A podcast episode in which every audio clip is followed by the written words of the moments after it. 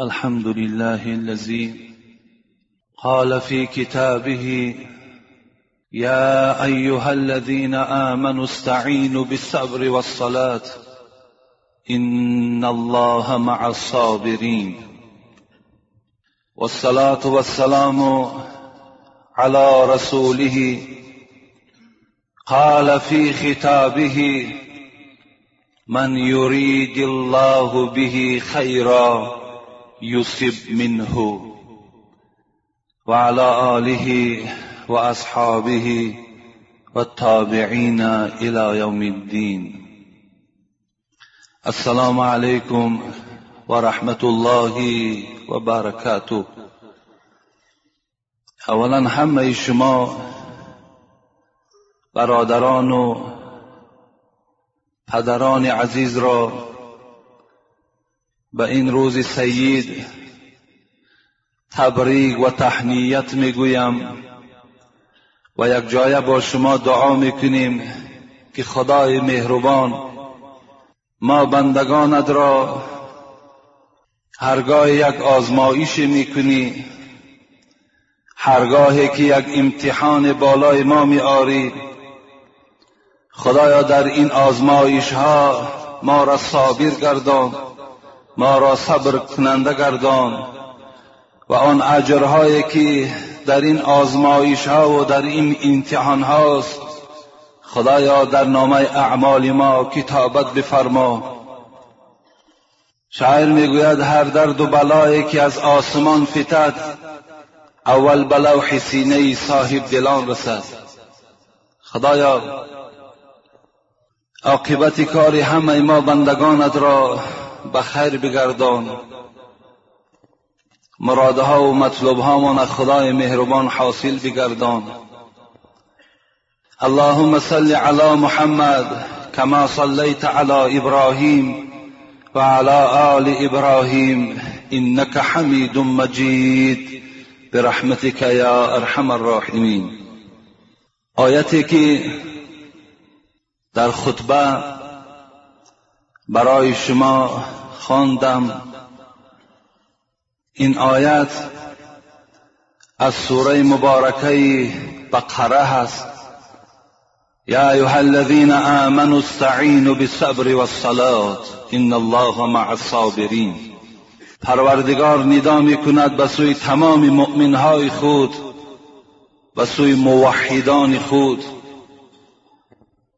که ای کسانی که موحد هستید ای کسانی که ایمان بر خدا دارید هرگاهی که بالای شما یک آزمایش یک امتحان برپا می شود شما به سوی پروردگارتان صبر کننده باشید و از پروردگارتان یاردم خواهید فقط به نماز و فقط به صبر. خداوند همراه صابران هست. و حدیثی که در این خطبه خواندم این حدیث امام بخاری هست من یرید الله به خیرا یصب منه. پیغمبر خدا گو هرگاهی که خداوند از بنده خود خیر خواهد نیکی خواهد او را البته آزمایش می‌کند. او را البته در یک بلای مبتلا میگرداند. نظر می‌کند بنده او در این آزمایش در این امتحان چگونه رفتار می‌کند؟ در محبت هر کی او دعوا کند صد هزاران امتحان بر وی کند. در محبت اگر شما محب الله باشید اگر شما محب حبیب خدا باشید اگر شما محب اسلام و محب قرآن باشید شاعر می‌گوید یقین دانین که صدها هزار بلاها صدها هزار امتحانها را خداوند بالای شما برپا می‌کند. در محبت هر کی او دعوا کند صد هزاران امتحان بر وی کند. گر بود صادق کشد باری جفا گر بود کاذب گریزد از بلا.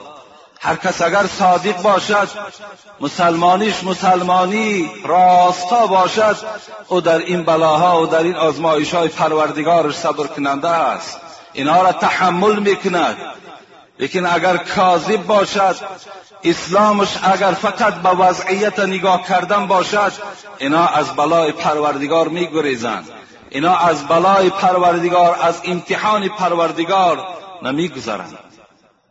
این گونه امتحان را خداوند بالای حضرت ابراهیم برپا کرد. این اولین امتحان نبود.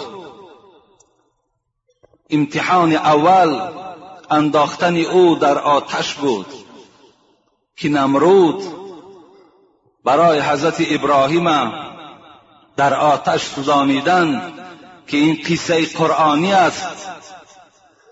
مبتلا کرد. بعد از این آتش سلامت برآمدن حضرت ابراهیم باز دویم آزمایش او. این باز مشکلتر باز صعبتر این قربانی حضرت اسماعیل بود. می‌خواهم در اطراف این موضوع با شما صحبت کنم زیرا که ما برای شما وعده هم داده بودیم. و در پیش الحمدلله که روز دهم روز سه شنبه عید قربان است. با چی سبب این عید؟ نام قربانی را گرفت. حکمت انشاء الله از این موضوع ما و شما خبردار می شویم. ابراهیم علیه السلام که در زبان ما و شما هم به نام ابراهیم خلیل مشهور است. که از خلیل بودن این هیچ شک شبهه نیست زیرا که نفس قرآنی وجود دارد. خداوند در سوره نیسا آیه 126 او برای ما و شما گوشزد می‌کند. واتبع ملت ابراهیم حنیفا واتخذ الله خلیلا ابراهیم خلیلا. شما همهتان پیروی آیین ابراهیم باشید زیرا ابراهیم حنیف بود. حنیف مفسران می‌گویند خالی از تمام دینهای باطله بود. وی موحد بود. وی خدا پرست بود. و خداوند گفت پروردگار شما ابراهیم برای خودش خلیل گردانید خلیل این کلمه کلمه عربی است معناش دوست است. خداوند خلیل دوستی خودش انتخاب کرد زیرا وی ارزنده بود. اگر ما و شما یک دوست داشته باشیم تصور که وی نزدیکترین شخص شماست و تمام آن چیزی که دارید برای وی می‌دهید. یک گروه از یهودی ها و نصرانی ها نزد حبیب خدا آمدن محمد صلی الله علیه و سلم. مجادله کردن مخاسمه کردن. با یکدیگر می‌گفتند چی می‌گفتند می‌گفتند ابراهیم یهودی هست. یهودیش همین قومی که امروز مسلمان ها را خیلی آزار می‌دهد. همین قوم قوم یهودی هاست. بعضی ها گفتن اونا یهودی ها گفتن ابراهیم یهودی است. نصرانی ها باشد. پیروی دینی نصرانی دینی حضرت عیسی. اینها باشد می‌گفتن نه ابراهیم نصرانی بود. این زمان بود که به حبیب خدا آیت فرامد. یا اهل الكتاب سوره آل عمران. لما تحاجون في ابراهیم وما أنزلت التوراة والانجیل إلا من بعد أفلا تعقلون؟ خداوند گفت ای محمد صلی الله علیه و سلم به این قوم یهودی ها و نصرانی ها بگو برای چی شما مجادله و مخاصمه و جنجال میکنید که این یهودی بود ابراهیم یا نصرانی بود؟ و ما انزلت التورات والانجیل الا من بعدی. آیا به اونها خبر بده که آخی آین دین یهود و نصرانی بعد ابراهیم پیدا شد؟ یهودی ها پیروی تورات حضرت موسی بودند. حضرت موسی از بعد ابراهیم به هزار سال برآمد. هزار سال بعد حضرت ابراهیم تورات به حضرت موسی نازل شد. انجیل حضرت عیسی به دو هزار سال بعد حضرت ابراهیم نازل شد. خداوند میگه جنجال شما به هر چیز وقتی که آین دین شما بعد ابراهیم باشد. افلا تعقلون؟ آیا تعقل نمی‌کنید؟ در دوام چی گفت خداوند؟ ما کان ابراهیم و یهودیا ولا نصرانیا کان حنیفا مسلما و ما کان من المشرکین. و همه اینها خبر بده که ابراهیم یهودی نبود. خدا می‌گوید ابراهیم نصرانی هم نبود. بلکه وی حنیف بود وی بیگانه بود از اینها. از اینها خالی بود. وی مشرک نبود. خداوند یک جواب برای تمام یهودی ها و نصرانی ها در قرآن برای جهانی ها خبر داد که ابراهیم کی بوده است. این اول الناس به ابراهیم للذین اتبعوه و هذا النبی والذین آمنوا والله ولی المؤمنین خداوند باز در همین سوره آل عمران چی میگوید؟ نزدیکترین شخص به حضرت ابراهیم کیست؟ همان کسانی هستند که پیروی دین حضرت ابراهیم هستند. مثل حضرت ابراهیم موحد هستند خداپرست هستند. اینها نزدیکترین حضرت ابراهیم هستند.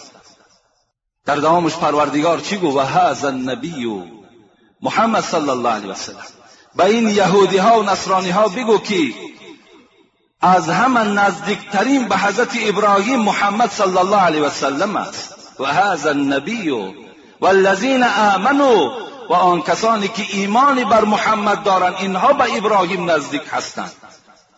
در اصل در اصل تاریخ ها می‌گوید پیغمبر ما محمد صلی الله علیه و سلم از اولاد حضرت ابراهیم است.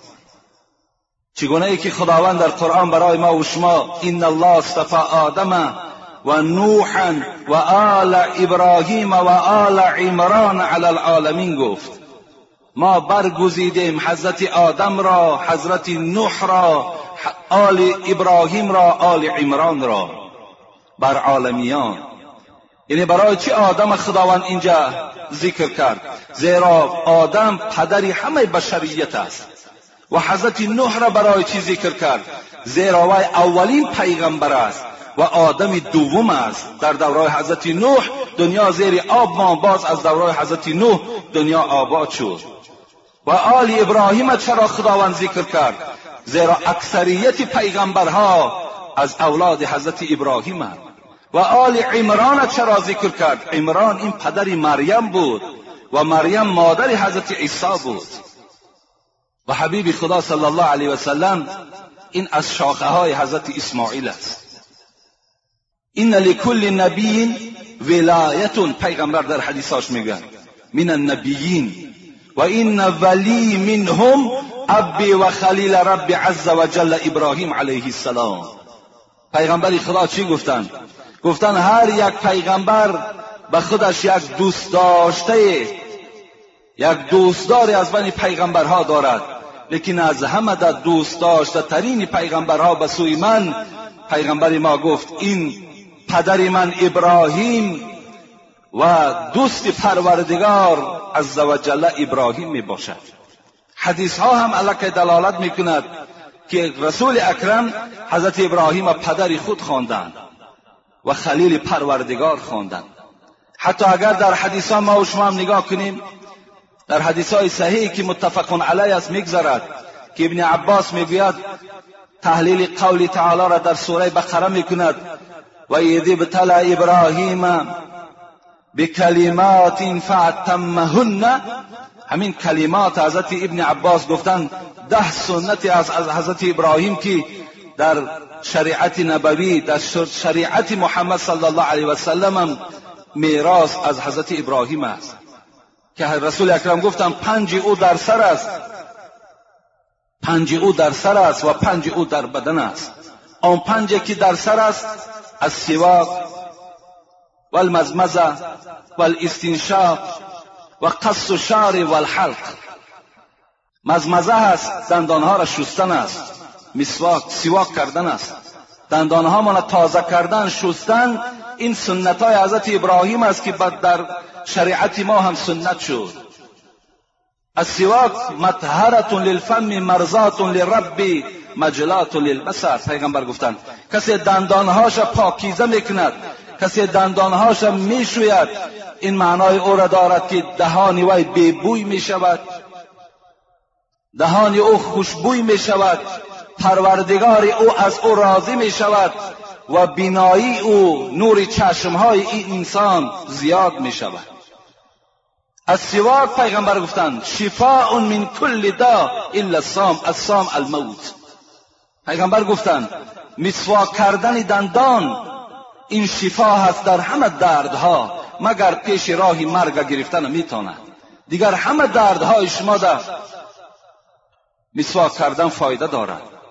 امروز اگر چنده که اون مسواک ها در دست ما و شما هم نمی افتد یا به او اگر ما و شما استفاده هم که بردن نتوانیم خود همین داروهایی که امروز همین خمیره ها همون زبنای پسته هایی که ما و شما می‌گوییم در دستمان است در ترکیب اما هر گونه الیمنت های خوب وجود دارد.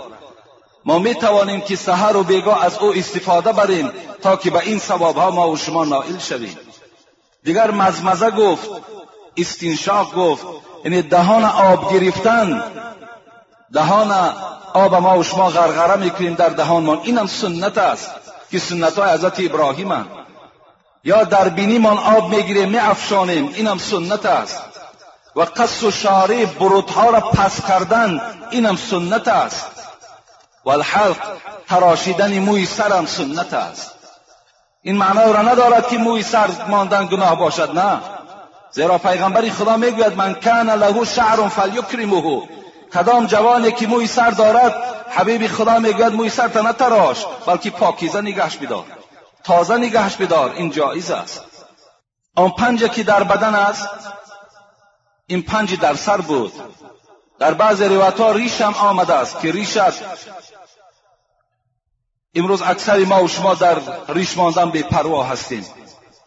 حتی موی سفید همان پنجاه ساله و شست ساله نمی‌دانم منتظری چی باشد. جوان که یک عذر دارد جوانیش است. در نگذاشتن ریش شما ترک سنت می شود در نزد پروردگار گناهکار می شوید آن پنجه که در بدن است نطف الابت و تقلیم الاظفار و حلق العانه و الختان و الاستنجا زیر کشها را تازه کردن. ناخونها را گرفتن. زیر ناف را تازه کردن. ختنه کردن فرزندهامان و استنجا کردن این پنج سنتی هست که در بدن ما و شما سنت های حضرت ابراهیم است. این اینها دلالت می‌کند که به ابراهیم محمد صلی الله علیه و سلم نزدیک بوده است زیرا وی پدر خود خواند در حدیث ها میگد انا ابن زبیحین من فرزند دو زبیح هستم یکی فرزند حضرت اسماعیل انشاءالله قصهش به شما میرسانم و دوم قصه حضرت عبدالله پدر حضرت رسول اکرم که زمانهای جاهلیت برای ما و شما آگاه باشد که عبدالله این پدر محمد صلی الله علیه و سلم است. و آمینه مادرشان بودند. باباشان عبدالمطلب بود یعنی پدر عبدالله. اون زمانهایی که عبدالمطلب حیات داشت اون وقتا میگد فرزند از ذبح کردن درست بود. این نعمت اسلام است که در جای فرزند امروز ما و شما حیوان را ذبح می‌کنیم. اون زمانها هر کس نظر می‌کرد که اگر فلان کاری من انجام یابد یک فرزند مدد برای همون بود شدن کارم انجام دادن همون مقصدم ذبح می‌کنم. این گونه وحشیگری ها وجود داشت. عبدالمطلب نظر کرد که اگر من ده فرزند ده بچه را صاحب شوم یکی اینها را ذبح می‌کنم. وقتی که ده فرزند شد عبدالمطلب اول یک مهری محبت در دلش غلبه کرد. گو کسی از نظر من درک ندارد در این مکه مکرمه. بیا گفت اینا پوشیده میدارم لیکن بسیار با وجدان که بود معرخا می‌گویند و ضعف کردن فرزند که بسیار شهرت آدم بلند که می‌کرد گفت نه گفت این نظر را من نمی پوشم. آمد آوازه کرد. گفت من نظر کرده بودم که صاحب ده بچه شوم یکی او را ذبح می‌کنم. تمام مکه منتظر کدام روز عبدالمطلب از فرزندای خود یکی را ذبح می‌کند. آمد نزد فرزنداش ده بچه را جمع کرد. گفت فرزندای عزیز از آن جمله عبدالله هم در همونجا بود. پدر رسول اکرم. گفت من نظر کردم که اگر من صاحب ده فرزند شوم یکی شما را قربانی می‌کنم. شما چی می‌گویید؟ عبدالمطلب می‌گوید من خواستم که نظر کنم کنی کدام اینها عکس عمل نشان می‌دهد لیکن اینها همه تیار بودند. حتی که خودشان را پیشنهاد می‌کردند که پدر ما را قربانی کن. اگرچنده که در قربانی کردن آنها ثواب نمی‌گرفتند با سبب این عمل وحشیانه آنها راست دوزخ می‌رفتند لیکن در همین دینی باطلشان باز قائم بودند مستحکم بودند آمد نزد سردار مکه قصه را کوتاه می‌کنیم که میگد اون زمانها عبدالله پدر پیغمبر 24 ساله بود. آمد نزد همون سردار مکه گفت این گونه نظر دارم و ای گفت فلان روز نامه های فرزندها تا می نویسی و یا در یک ظرف می پرتاید و از همون داخل دستش می دازد می گیرد نام کدامش که برآمد و یا ضعف می کند چگونه که امروز بعضی جوانهای ما و شما لطا بازی می‌کنند قمار بازی می‌کنند این ده نام نویسانده شد و در ظرف انداخته شد. این سردار مکه میگد وقتی دستش انداخت و برآورد نام عبدالله برآمد. پدر پیغمبری خدا. وقتی دید نام عبدالله را عبدالله که میگد بسیار جوان خوش اخلاق بود بسیار زیبا که بود تمام مکه مکرمه که او را احترام می‌کرد دوست میداشت وقتی نام عبدالله را که شنیدن همه فیغان کردند لیکن عبدالمطلب دیگر راه نداشت. دیگر راه نبود. و با همون خونی سردی خود تیار بود که این عمل را انجام دهد. مردم مکه پیشنهاد کردند عبدالمطلب ایست در مدینه یک فالبینی هست پیش وی می رویم شاید که یگان راهی داشته باشد همین عبدالله را قربانی نکن. آمدن میگرد نزد همون فالبین. از فالبین پرسان کردن این گونه حالت است. این یکی از فرزندهای محبوبترین عبدالمطلب است. چیکار کنیم؟ راه دارد یا ندارد؟ این فالبین گفتن ما را سه روز مهلت ده بعد سه روز آمد. گفت در نزد شما گفت وقتی اگر یک شخص جنایت کند چند اشتر گفت جنایت؟ خون بها میتین. گفت ده اشتر. گفت ده اشتر گفت در یک طرف بگذار. ده اشتر نامش بنویس و نام عبدالله را بنویس در همون ظرف پرتا این زمان گفت بردارین اگر نام اشتر برآمد اشتر را ذبح کنین گفت می شود همین ده اشتر را ذبح کنین. همین حالت گفت اگر نبرآمد تا صد اشتر گفت همین بازی را دوام دهید. بعدی صد اشترم که اگر نام عبدالله برآمد این حالت عبدالله را قربانی کنی می‌گوید همین ده باره که در ظرف میپرتیم فقط نام عبدالله میبراید. دهم بار وقت برداشتن که نام اشتر برآمد. دیگر همه مکه را میگه خرسندی فرا گرفت. و مردم اون روز میگه چی یک توی کلانی داشتند و همه مردم میگه از خون میگه از گوشت همه سیر شدند که صد اشتر میگه عبدالمطلب برای نجات یافتن عبدالله قربانی کردند انا رسول اکرم می‌گوید من فرزند دو زبیح هستم. دو نفری که باید قربانی می شدن من فرزند این دو نفر هستم. یکی اسماعیل یکی عبدالله. حضرت ابراهیم همگی 175 سال حیات دیدگی هستند. فرق امام سیوتی در کتابش میگه که فرق بین حضرت ابراهیم و حضرت آدم دو هزار سال است. و فرق بین حضرت ابراهیم و حضرت نوح. سین سال مبارک به هشتاد و شش رسید. می‌خواهم این قصه را از سوره صافات برای شما تلاوت کنم و بعدا به این قصه ما و شما می‌گذاریم. اعوذ بالله من الشیطان الرجیم. بسم الله الرحمن الرحیم. وقال إني ذاهب إلى ربي سيهدين. رب هب لي من الصالحين. فبشرناه بغلام حليم. فلما بلغ معه السعي قال يا بني إني أرى في المنام أني أذبحك. فانظر ماذا ترى. قال يا أبت افعل ما تؤمر ستجدوني إن شاء الله من الصابرين. فلما أسلم وتله للجبين وناديناه أي يا إبراهيم قد صدقت الرؤيا إن كذلك نجزي المحسنين. إني ذاهب إلى ربي سيهدين. حضرت ابراهیم وقتی که از قوم نمرودی ها ناامید شد. دیگر تمام امیدش از این قوم نمرودی ها که قوم حضرت ابراهیم بود از اونها که کنده شد. بعد پرتافتنی در آتشی که نمرود پرتافته بود بعد او وقتی که ابراهیم صحت و سلامت از این آتش برآمد این معامله نمرودی ها که خیلی حضرت ابراهیم غمگین که ساخت دید که مردم هیچ کدامش در دین ابراهیم داخل نمی شود چی گفت؟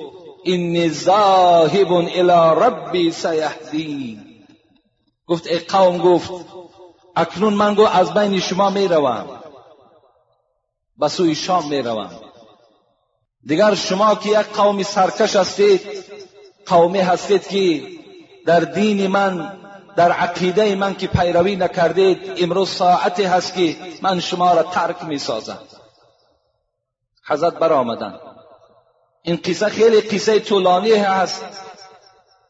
وقتی می‌گوید از اینجا برآمدن رب حبل من الصالحین. به نیت شام دولت شام سوریه حرکت کردند. در راه بعض واقعه ها رخ داد. در مصر از اونجا سردار مصر یک خدمتگار خود به نام حاجر داشت. به حضرت سارا که زن حضرت ابراهیم بود تسلیم کرد هدیه داد. وقتی اینها از مصر برآمدند آمدند حضرت سارا این حاجر را که خیلی زنی جوان و زنی خوب بود به حضرت ابراهیم تسلیمش کرد. وقتی هاجر در نکاح حضرت ابراهیم که درآمد حضرت ابراهیم چی گفت؟ رب حبل من الصالحین. پروردگارا گفت از این زنی که امروز نصیب من شده است برای من یک فرزندی حلیم یک فرزند اطاعت کننده برای من خدایا نصیب بگردان. خداوند چی گفت؟ فبشرناه بغلام حلیم. این دعای ابراهیم مثل تیری در نشان در نزد پروردگار مستجاب شد. دعا را پروردگار قبول کرد. و برای ابراهیم فرزند داد به نام اسماعیل. من قصه را خیلی مختصر برای شما حکایه می‌کنم. با تقدیر الهی این حاجر و این اسماعیل که این پیش از بنیاد خانه کعبه بود. تا حال خانه کعبه ساختگی نبود. آمد می‌گوید در مکه مکرمه در این جایی که خانه کعبه بنیاد شده است اینجا حاجر و اسماعیل باقی ماند. در یک بیابانی که نه آب بود و نه خوراکه بود و نه زیست زندگی بود. بار میگه حضرت ابراهیم برای خبر گرفتن حاجر زن خود و فرزندش اسماعیل به مکه مکرمه آمد. آمد شب خواب کرد. در خوابش پروردگار امرش کرد. ابراهیم از جایت خیز. و این یگانه فرزندی که در پهلوی تو خواب است اسماعیل این قربان کن در راه ما. حضرت می‌گوید از جای خود خیست. خیست خیلی یک آدمی دهشت زده. بیدار شد. معرخا هر خیل روایت ها می‌کنن که خیست یک چند اشتور قربانی کرد. گفت شاید این خواب من خواب رحمانی نباشد. باز شب خواب کرد شب دویم باز امر شد. ابراهیم از جایت خیز و اسماعیل را در راه خدا قربانی کن. روز دوم می‌گوید یک چند اشترهای فربه دیگر را باز قربانی کرد.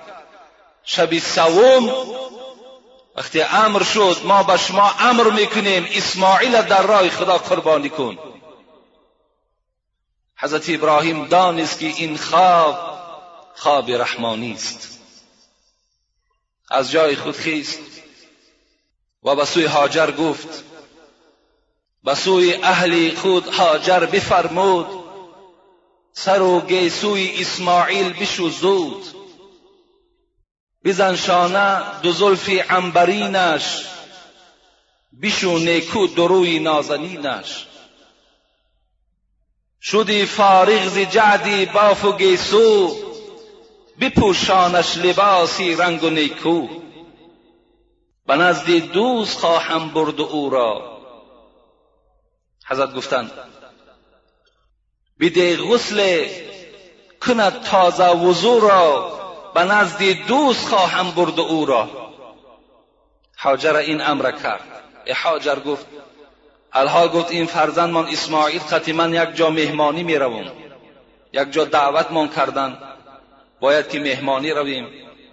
از این خاطر گفت گیسوهای ایشان بشو آبازی در آن تهارت کند شانه کن لباسهای بهترینی او را بپوشان. حاجر می‌گوید از پی این کارها شد. و می‌گوید به سوی هاجر گفت یک بند و یک کارد دیگر هم در همون سمکه من جایگیر کن. حضرت هاجر گفت هرگاه گفت تو کجای مهمانی می‌رفتی؟ کارد نداشتی بند نداشتی امروز بحر چیست؟ هاجر گفت شاید که شاید که گفت قربانی کنیم. اگر قربانی بند نباشد کار نباشد کار برای من مشکل می شود معرخا می‌گویند حاجر درک یافت. در حال می‌گوید اسماعیل فریاد زد. آن امرهایی که از جانب پدر شده بود آنها را انجام داد شوز تازه کرد. می‌گویند تخمین نه ساله بود. بعضی معرخا سیزده هم می‌گویند. وقتی می‌گوید مادرش اسماعیل شوست غسل داد تحارت کرد. او را میگه در کنار خودش کشید. و هم بوسه کرد. از گیسوهاش بوی کشید. گفت اسماعیل گفت من نمی‌دانم که تو بر کدام مهمانخانه می‌روی. لیکن این قدر می‌فهمم که از بدن تو از گیسوهای تو بوی فراق میآید بوی جدایی میآید. خلاص می‌گوید حضرت ابراهیم دست اسماعیل گرفت. به سوی مینا حرکت کردند جایی که حاجیا قربانی می‌کنند. این حالت می‌گوید شیطان بیقرار شد. زمانی هست گفت باید که در خانه ابراهیم پریشانی را پیدا کنند. باید در خانه ابراهیم دو دیلگی را پیدا کنند. گفت از حاجر سر بکنند زیرا که زن خیلی ضعیف ایمان می شود و مادر همه وقت مایل به سوی فرزند دارد برای وسواس کردن حاجر برای من خیلی آسان است. و ندانست که حاجرم آدمی مسلمان بودند اونا هم خدا ترس بودند. آمد نزد حاجر گو حاجر خودش را میگد شیطان با یک پیر پیرزن تبدیل داد. شیطان در حدیث های پیغمبر میگذرد و هر صورت خودش تبدیل داده می‌تواند. موی سفید می‌کند جوان می‌کند کمپیر می‌سازد. مگر حبیبی خدا گفتند در صورتی من خودش را در آورده نمی‌تواند آمد گفت حاجر میدانی میدانی که این نونیحال باغی تر کجا برد ابراهیم؟ گفت می‌دانم گفت. خانه دوستش برد کجای گفت دعوت داشتن. گفت نه گفت. او را گفت قربانگاه برد. او را قربانی می‌کند. وی را مهمانی نبرد او را برای سر بریدن برد. حاجر گفتن نگفتن. ابراهیم به اسماعیل طاقت ندارد گفت. ابراهیم اسماعیل دوست میدارد. چگونه پدر فرزندی خودش را قتل می‌کند؟ گویا حاجر گفت خداوند به ابراهیم در خوابش امر کرد که این اسماعیل قربانی کن. حضرت حاجر چی گفتند؟ وقتی میگد نام خدا را شنید که خداوند امر کرده است در حال می‌گوید در وجودش یک لرزه پیدا شد گفت قسم به عظمتی آن پروردگاری که حاجر آفرید. صد جان حاجر و صد جان اسماعیل فدای پروردگارم باد.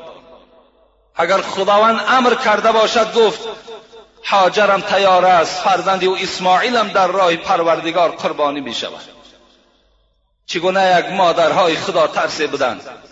امروز بعضی خواهرهای ما و شما سطر می‌کنند مادرهاشون صدی را می شود بعضی جوانهای ما نمازخوان می شوند پدرهاشون صدی را می شود و این گونه مادر نبودند این گونه پدر نبودند. مادرها امروز راضی هستند که دخترهاشان زینا کنند. راضی هستند که از خانه بی سطر بیرون شوند. راضی هستند در هر یک توی رقص و بازی کنند لیکن دخترشان سطر نداشته باشد. دخترشان نمازخوان نباشد. گو صد جان حاجر و اسماعیل فدای پروردگارم باد. اگر با شرطی که خدا امر کرده باشد. دید ابلیس دید که حاجر مفتون او نمی شود از او ناامید شد نزد ابراهیم آمد. ابراهیم گفت خودش را میگد به صورت یک پیر مرد درآورد. همین چهره زیبای اسماعیل گفت به خان و به خاک و خون آغشته می‌کنی. این مثل چراغ روشن است گفت خاموشش می‌کنی. این مثل یک نونیحال از پژمردش می‌کنی. میگد ابراهیم دانست که این شیطان است. در حال شناخت. گفته شیطان گفت مرا وسواس نکن. وسواسی تو در پیغمبرها تأثیر نمی بخشد و ابراهیم گفت این خوابی که تو دیدی خواب شیطانی است. نخواد که خدای تو گو امر کند پدر به کشتن فرزند داشت.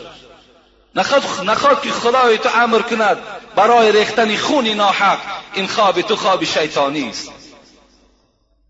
گفت ای شیطان گفت وقتی مرا در آتش می پرتاف نمرود که اون زمان یک لحظه یا لحظه دیگر گو من در آتش می افتیدم این زمانی که از ملائکه های مقرب درگاه الهی جبرائیل پایان شد و مرا گفت حاجت بر من داری خدمت بالای من داری. من گفتم ای جبرائیل من خدمت دارم لکن به تو ندارم. به آن ذاتی که این آزمایش برای من آماده کرده است.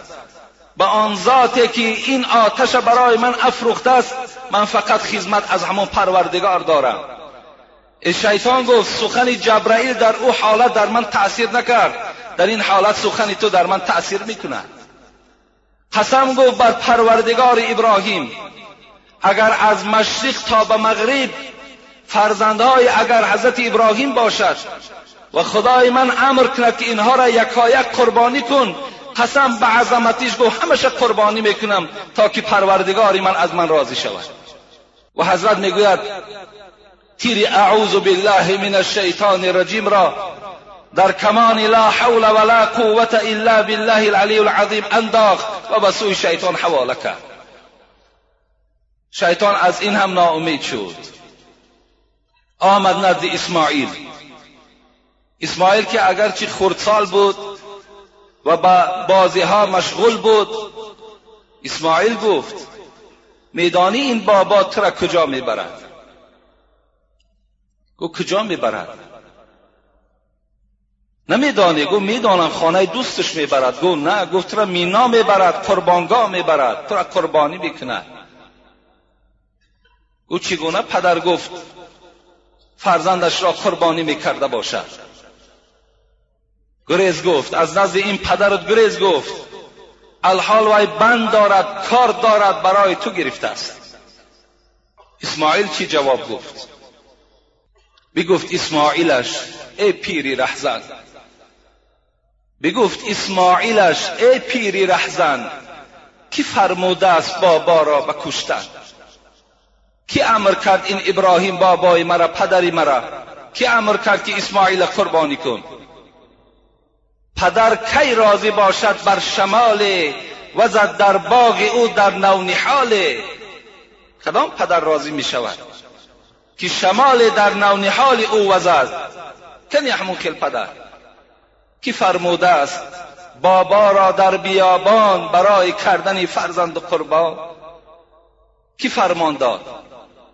بگفت ابلیس کی شد فرمان معبود. بکن قربان ولد. بکن بکن قربان ولد از برای ما زود.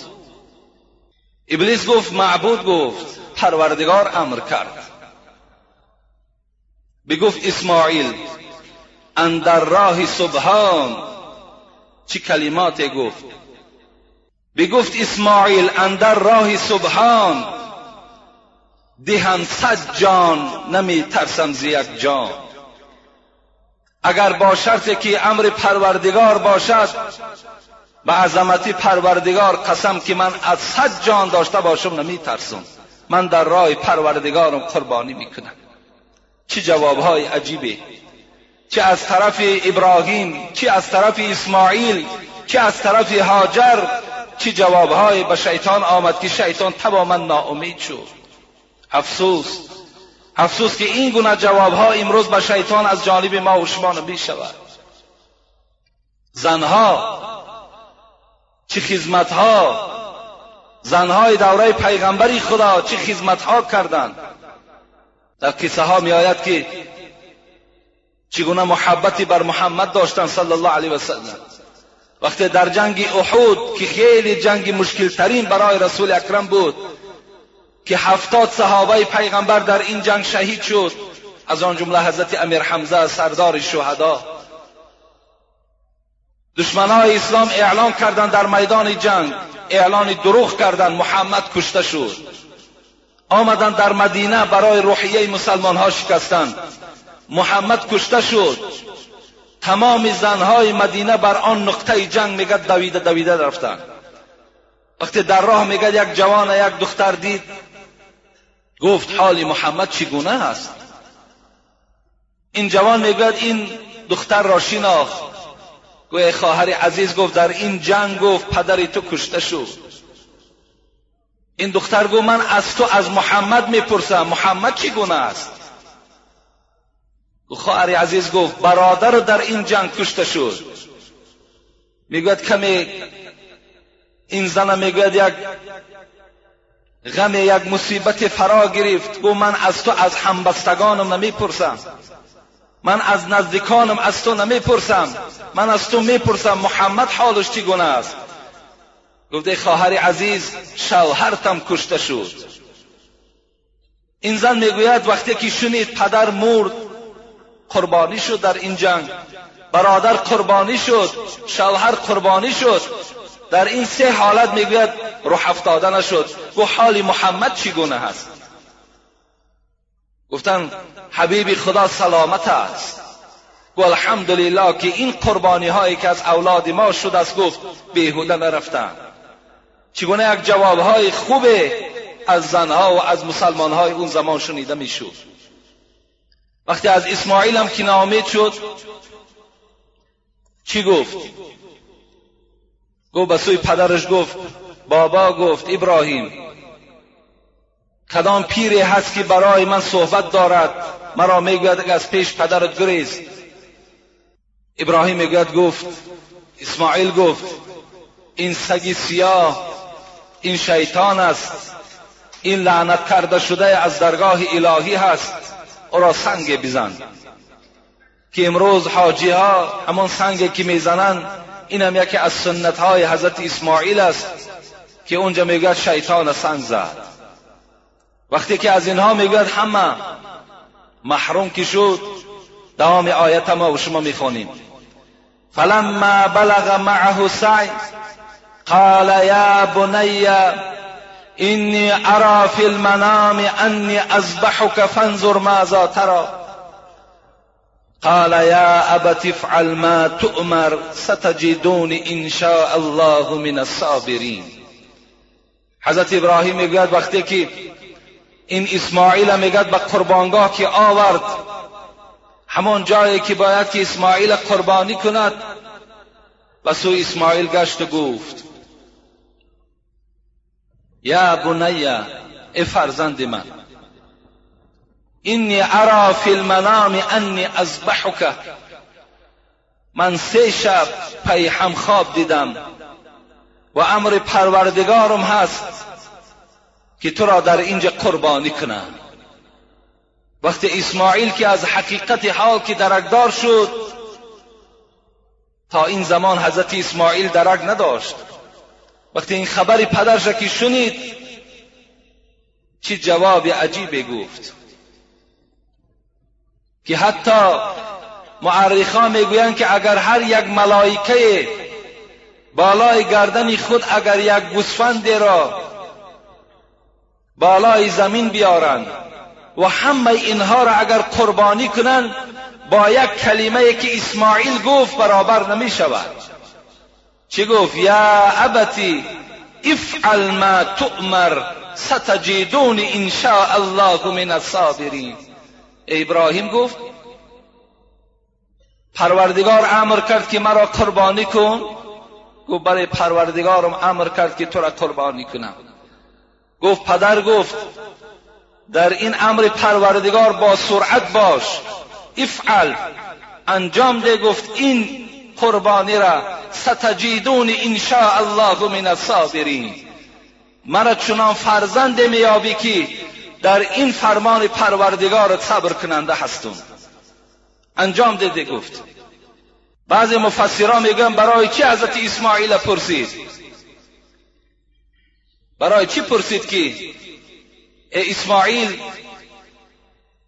من امر به قربانی تو شدم. میگه تا که ابراهیم فهمد که همون دعای کرده بود رب حبل من الصالحین. پروردگارا مرا فرزند سالم و صالح ده. آیا همین فرزند همون فرزند باشد یا نه؟ که الحمدلله که همون فرزند بوده است. حضرت می‌گوید از دستمال خود کار برآورد بند را برآورد حضرت اسماعیل مثل گوسفند در زمین خوابانید وقتی خواست به قربانی آغاز کند از اسماعیل پرسید. فرزند من گفت یگان وصیت داری؟ گفت پدرجان گفت سه وصیت دارم. گفت جان من گفت خبر ده چی وصیت ها داری؟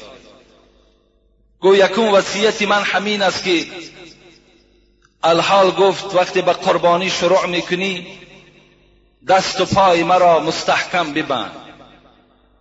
حضرت ابراهیم تعجب کرد گفت آیا گفت در راه پروردگار جزا و فضع می‌کنی داد و فریاد می‌زنی ناراضگی خودت را بیان می‌کنی؟ گفت نه گفت. ابراهیم گفت این دو معنی دارد. یکم این که وقتی کارد در این بدن ضعیفی من می‌رسد این بدن نازکی من به اختیار دست می‌زند پا می‌زند. شاید که این دست زدن من پا زدن من علامتی بی صبری مرا در نزد پروردگار نشان دهد و خداوند مرا از دفتر صابران خط زند. و دوم معنیش این است که وقتی اگر من پا می‌زنم دست می‌زنم احترام شما پدر بزرگوار واجب است. شاید که از بدن من خون پرد و لباسهای تو را همه را خونالود کند. حضرت ابراهیم گریان شدند. گریان شدند قبول کردن وصیت اول فرزندشانند. دوم وصیت چی داری گفت؟ جان من. گفت دوم وصیت همین است که وقتی که مرا ذبح می‌کنیم چهره مرا گفت به سوی خاک بمان. گفت آیا گفت راضی نیستی؟ گو راضی هستم اینم گفت ای ابراهیم دو معنا دارد. یکم اینکه چهره من وقتی که در خون و خاک آغشته می شود این خاک هایی که در پیشانی من می‌رسد اینها در نزد پروردگار قدر دارد قیمت دارد.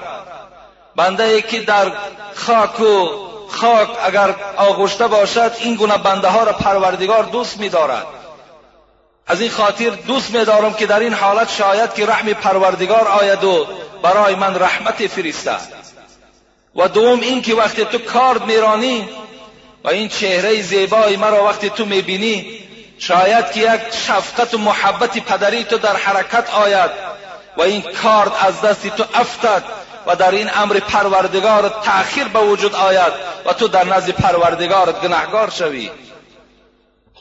حضرت ابراهیم از این سخنهای فرزند میگه دلش ریش ریش می‌شد.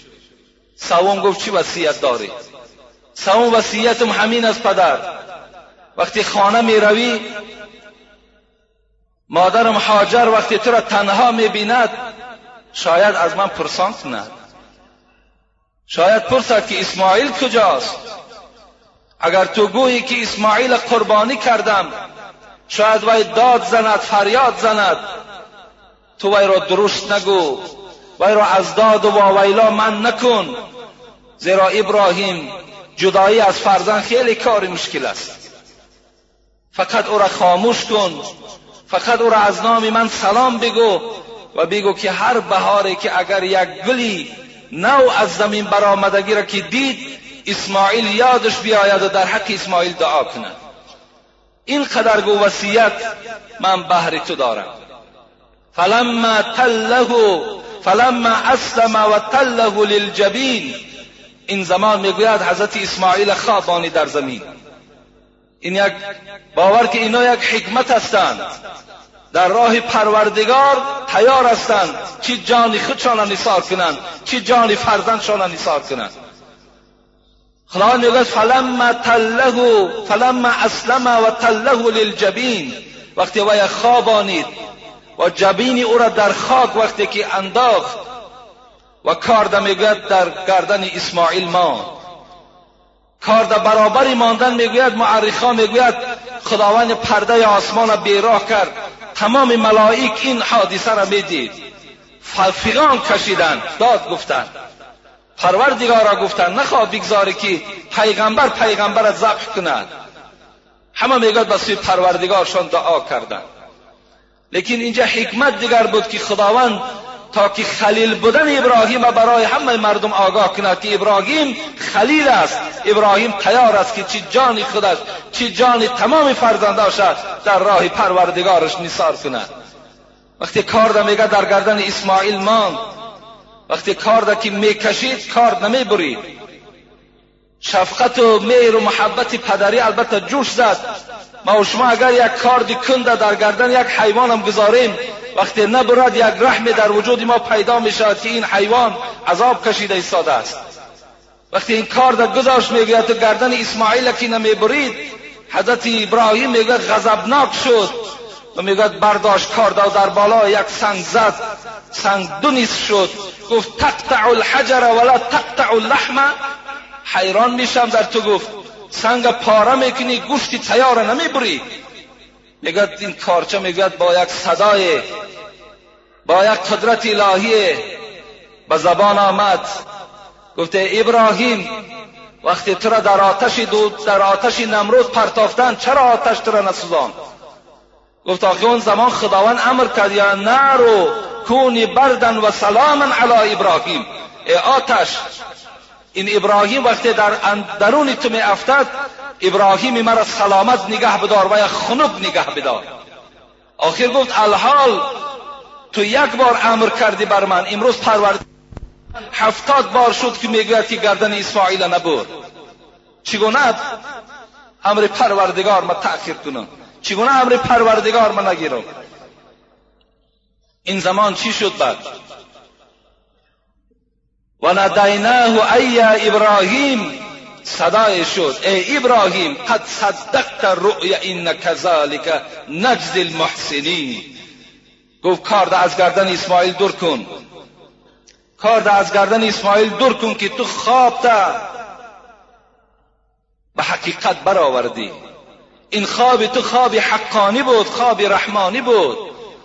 تو تصدیق کردی خواب تا تصدیق کردی. تو خلیلی تا در بین همه جهانیان نشان دادی. این زمان حضرت جبرائیل میگه در دستش یک کپش یک پشقاره که بعضی مفسرها میگن قریب چل سال بود که این در باغهای جنت میچرید. اینا می‌گوید کشاله کنان به نزد حضرت ابراهیم آورد. وقتی میگه حضرت جبرائیل که این حالت که دید چی گفت؟ الله اکبر الله اکبر. لا حضرت ابراهیم دوام داد لا إله إلا الله والله اکبر حضرت اسماعیل والله اکبر ولله الحمد. این کلمات ها از زبان حضرت جبرائیل حضرت ابراهیم حضرت اسماعیل میگه صادر شد. الله اکبر الله اکبر لا إله إلا الله والله اکبر الله اکبر ولله الحمد. کسی اگر این کلمات در روز عید به سوی عیدگاه آمدن اگر تلفظ می‌کند ثواب این سه پیغمبر را این ملائکه مقرب را خدا در نامه اعمالش کتابت می‌کند. انا از همان روز اعتبارا برای تمام مردم مسلمانی که دولت دارند مال دارند قربانی کردن واجب شد. اگر کدام شما دولتدار باشید کدام شما اگر مالدار باشید کدام شما اگر اگرچه مال هزار دلار هم نداشته باشید از او کمی هم که داشته باشید یک میانه داشته باشید از ثواب قربانی خطا دور نکنید. قربانی کنید. انشاءالله پیغمبر خدا حدیث های فراوان دارد که هر کسی که در دنیا قربانی می‌کند این قربانی برای او در روز قیامت چیزی سواره می شود در هر یک موی همون گوسفند قربانیتان خداوند در نامه اعمالتان ثواب می نویسد موی قربانی را عددش هیچ کس نمی داند اون شاید از میلیاردم دانه موی او زیاد باشد. خدا با عدد هر یک موی او در نامه اعمال شما خداوند ثواب می نویسد لیکن کسانی که ندارند کسانی که نادار هستند شما به قربانی دست نزنید.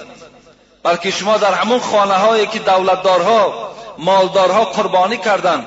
رفته از قربانی آنها خورید و شفا هست. در حق ایشان دعا.